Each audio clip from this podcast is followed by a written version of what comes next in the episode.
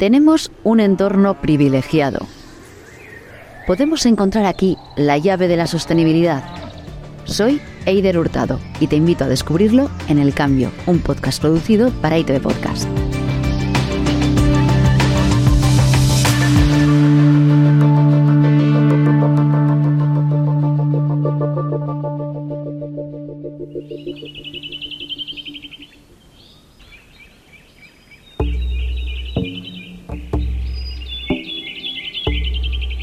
A lo largo de los diferentes episodios de este podcast hemos hablado sobre cómo atajar nuestro impacto medioambiental, redirigiendo nuestro consumo de ropa, alimentación, nuestra forma de movernos, y en este último capítulo nos preguntamos si la solución puede estar en la producción local, Made in Euskadi. Buscamos respuestas con ayuda del director de proyectos estratégicos del gobierno vasco, Cibor Urquiaga. ¿Seríamos capaces de autoabastecernos por completo? no podríamos autoabastecernos, desde luego en energía no, porque dependemos un 90% de lo que nos venden fuera.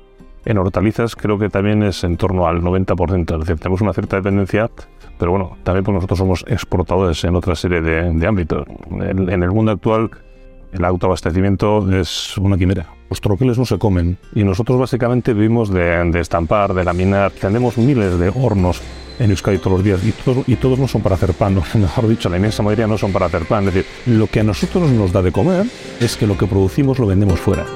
Hay que tener en cuenta que el peso de la industria en nuestra economía supone una cuarta parte del PIB vasco y si sumamos los servicios avanzados supera el 40%.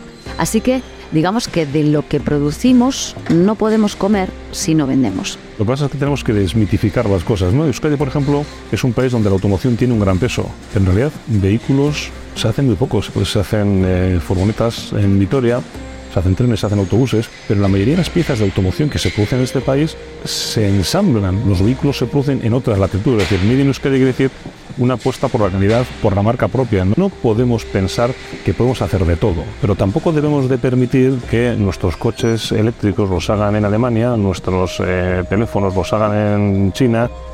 A todo no le podremos pegar, pero habrá determinados ámbitos en los cuales deberíamos de industrializarlo y cerca. Y, y, esa es la gran apuesta, ¿no? Conseguir que la transición sea una oportunidad y conseguir industrializar la transición en Euskadi.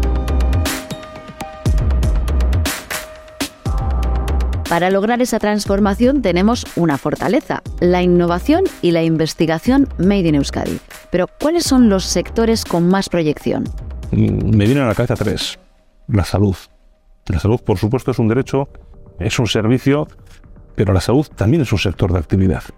Nosotros tenemos un ambulatorio y el ambulatorio, evidentemente, es un servicio público, pero los, en los materiales, la, maquinaria que hay dentro de un, de un, ambulatorio, la fabrican empresas. Otro segundo sector es la economía del dato, todo lo que tenga que ver con la transición digital, almacenamiento de datos, seguridad de los datos. Que seamos capaces nosotros también de almacenar el dato, de gestionar el dato y de darle seguridad. Y el tercer sector, claro, y muy pegado con, el, con la cuestión industrial, es la movilidad, ¿no? Tomamos nota e indagamos en uno de esos sectores. La empresa vasca de inteligencia artificial Sherpa acaba de presentar una nueva tecnología que permite avanzar de una forma sostenible en la gestión de los datos. Hoy queremos contaros la tecnología que llevamos desarrollando durante años la herramienta que permitirá resolver problemas que hasta ahora no tenían solución, como por ejemplo la cura de cánceres que a día de hoy no la tienen. Nos presenta esta nueva plataforma de Sherpa su director ejecutivo, Xavi Uribechevarría, al que le hemos pedido un ejemplo comprensible para conocer su aplicación. Pues imaginemos pues, que queremos encontrar un tratamiento para una enfermedad que hasta ahora no tiene cura. Pues para ello necesitamos que la inteligencia artificial nos ayude a detectar lo que el ojo humano no puede ver como patrones o biomarcadores. Pero este algoritmo, para que sea efectivo, necesita aprender de datos, de datos de pacientes. Estos datos, además de ser privados, normalmente están dispersos en diferentes hospitales, centros de investigación u organizaciones de salud, y muchas veces incluso en diferentes países con diferentes regulaciones.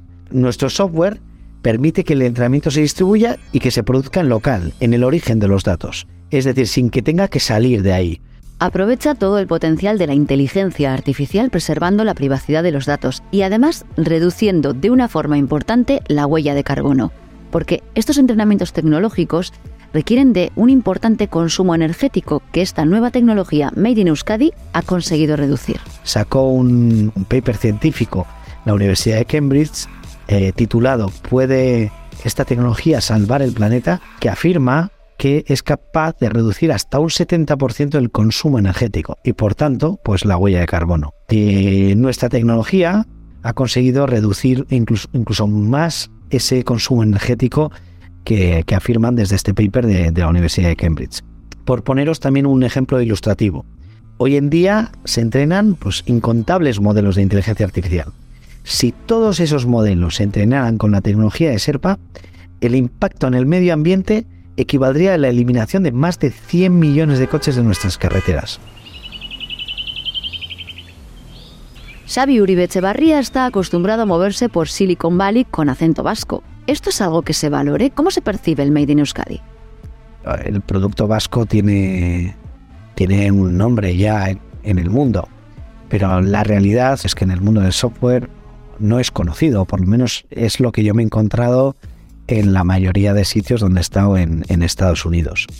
Pero bueno, que eso no suele ser una barrera, porque sobre todo en Estados Unidos están muy abiertos a nuevas tecnologías, a nuevos productos y no les importa tanto o prácticamente nada la, procedencia, sino que tu producto tenga la calidad que ellos quieren, la calidad tecnológica.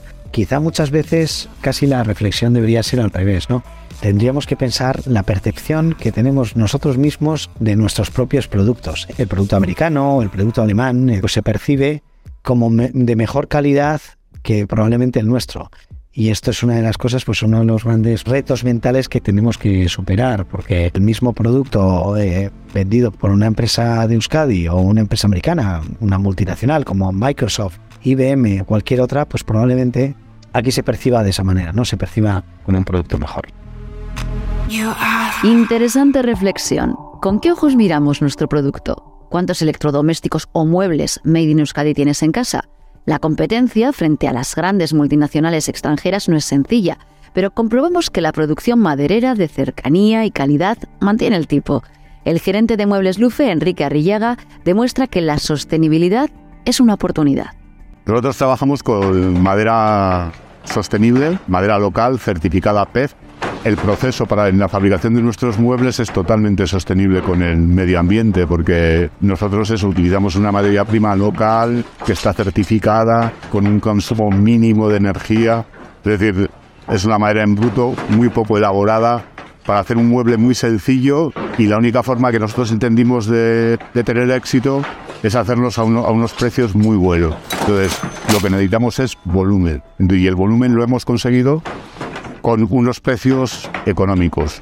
Sin embargo, lamenta que el volumen no viene del consumidor vasco. Producen aquí, pero venden fuera. Es posible autoabastecernos y ser autosuficientes aquí en Euskadi con los productos que producimos localmente. Si los consumidores nos ayudan, nos dan volumen, nosotros no hemos sido capaces de conseguir aquí el volumen. Nosotros donde más estamos vendiendo en estos momentos es en Cataluña. Las personas consumidoras tenemos la llave. Observa lo que llevas puesto. ¿Hay alguna prenda hecha en Euskadi? Apuesto a que no. Pero tampoco te culpo, el sector textil vasco es realmente reducido, aunque los jóvenes diseñadores que se están abriendo paso lo hacen desde una apuesta clara por el ecodiseño. Es lo que encontramos en las colecciones de Eder Aurre, 100% hechas en Euskadi tenía claro que quería crear una, una, firma ¿no? que fuese kilómetro cero, que fuese realizada por eh, modistas locales, proveedores locales y sobre todo que fuese algo pequeño y que fuese algo con una esencia eh, tradicional. Nosotros eh, intentamos ser sostenibles intentando siempre reducir en cuanto a residuos, ¿no? porque al final cuando vemos un metro de, de, tejido creemos que consumimos todo el metro, pero no es la realidad, es entre un 20, un 30, incluso un 40% de tejidos son residuos. ¿Y cómo valora la clientela esta propuesta? La sostenibilidad y la exclusividad para mí van, de la mano, ¿no? O sea, al final el hacer algo que sea ético, que, cumpla unas eh, condiciones y que luego además sea pues, una edición limitada o algo también más exclusivo, hecho a mano, no una gran producción, eh, creo que al final eso le da valor al producto y creo y opino que la, que la clientela lo, lo valora. Consumidores y consumidoras también estamos cambiando nuestra forma de pensar y de apreciar la calidad de los productos locales y la reutilización de materiales como algo de valor. Cambiamos de taller. Pues sí, este es el taller. Voy a cerrar aquí porque corrientes. Vale. Y, y eso, eso. Y paso mucho tiempo. Y bueno, luego aparecerá la ropa, ¿eh? Sí. Muchas telas, ropas y arreglos. En el taller de Mara Montiel se amontonan las telas, los tejidos. Es el espacio creativo de Pura Madre, una marca que evoca a la madre tierra impulsando un consumo de ropa diferente. me fui dando cuenta de que había un trasfondo del segunda mano, de reciclar, de encontrar cosas. Fue un camino que se iba trazando poco a poco. Y acabaste haciendo de la sostenibilidad de alguna forma tu, tu modo de vida.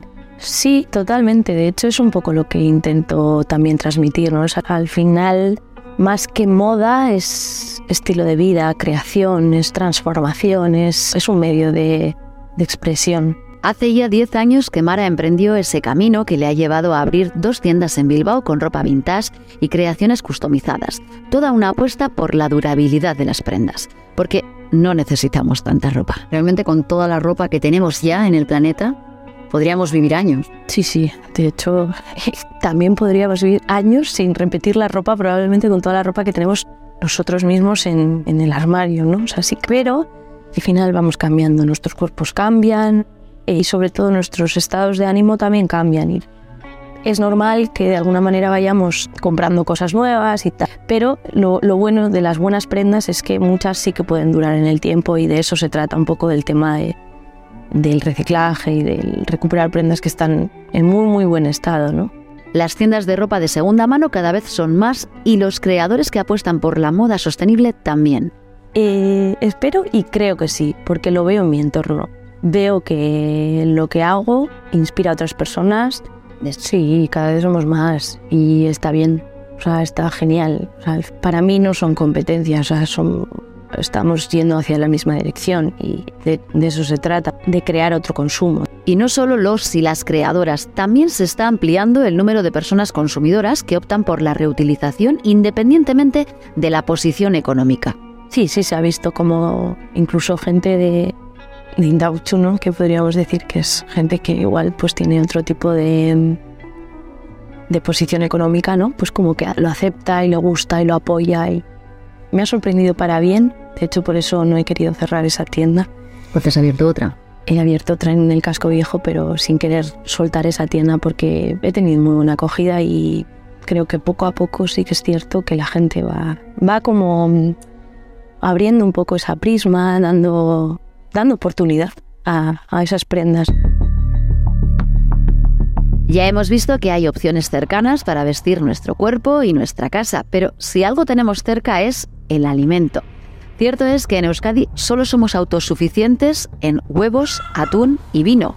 Pero es necesario llegar a extremos como el que me contaba Sigor Urquiaga. El caso de Brexit ha sido muy, muy ejemplarizante. Yo tengo un amigo eh, de familia india que vivía en el Reino Unido, estudió conmigo, y su familia, parte de su familia vivía en Kenia y parte de su familia vivía en Londres. Su padre tenía dos fruterías en Londres y todas las semanas traían fruta en un vuelo charter desde Kenia. ¿Hasta qué punto es sostenible que todos los días estemos comiendo productos que vienen de la otra punta, que no hace falta irse al Reino Unido y a Kenia, ¿eh? que aquí hemos visto pimientos que parecían que eran de, no muy lejos y estaban producidos en otro continente, que mucho del pescado que comemos está pescado en latitudes lejanas y muchas veces está pescado en latitudes lejanas por empresas vascas. Los atuneros bermeanos, por ejemplo. Es decir, el comercio internacional hay que entenderlo en un conjunto, pero no, hace falta, no, no hay que demonizar nada, pero poner las cosas en su justo término. Es decir, no tiene sentido pensar que las manzanas que vendía eh, Francia al Reino Unido se van a sustituir automáticamente por manzanas que vienen desde Nueva Zelanda y que cuesten lo mismo y que sean igual de sostenibles. No van a ser igual de sostenibles nunca. Sentido común, eso es el kilómetro cero, un concepto sobre el que reflexiona el cocinero de Nerúa, José Analija. ¿Qué es el kilómetro cero? Kilómetro cero es si tú compras naranjas que sean de Valencia, que no vengan de Latinoamérica. Eso es el kilómetro cero, el sentido común, ¿no? El coger el producto de mayor calidad lo más cercano a ti. ¿Cuál es el problema? Que hoy en día se importa mucho y se consume poco internamente. Escuchando a Josean siempre se aprende. No se trata de blindar ni mitificar los productos porque ni siquiera son tan nuestros los que así consideramos. Nosotros entendemos productos como nuestros que no son nuestros. Los grandes iconos de los productos en la cocina vasca no son nuestros. Tomate, la patata, la alubia y el maíz, ¿no? Son productos muy básicos de una época y que hoy son productos de gran, de gran, de, de gran placer, ¿no? Y hay un refrán que yo siempre he oído que es lo que hoy en día se desecha, mañana será un artículo de lujo. Ha pasado con las anchoas, ha pasado con, con las legumbres, ha pasado con un montón de cosas, ¿no? Dices, interpretamos los productos cada uno de una manera. Los grandes chefs tienen la suerte de contar con los mejores proveedores de cercanía y confianza, pero cuando les toca hacer la compra, ¿dónde vas tú a hacer la compra? ¿En qué te fijas? bueno, yo la verdad es que si voy, voy al mercado. Porque me gusta el mercado, me gusta encontrarme con la gente. Porque en el fondo la cocina es un reflejo de la sociedad. Entonces es muy importante ir a los mercados. Y los mercados al final siempre me encuentro con gente mayor, gente que conozco. Y no me encuentro con gente joven. Hecho en falta porque, bueno, deberían de ir más con los abuelos o con los, con los padres, aunque solo sea por ayudarles. Todos hemos ido así, hemos ido aprendiendo, ¿no? Y así cerramos el círculo de este podcast, aprendiendo de quienes más saben, de quienes han vivido otra época en la que el superconsumismo y la compra rápida no dominaban nuestras acciones. Toca deshacernos de malos hábitos para que el cambio sobre el planeta no acabe destruyéndonos. Por mi parte, aquí termina esta primera temporada de El cambio que te proponemos para seguir viviendo de una forma sostenible. Te dejo todos los capítulos en ITV Podcast y en las plataformas habituales.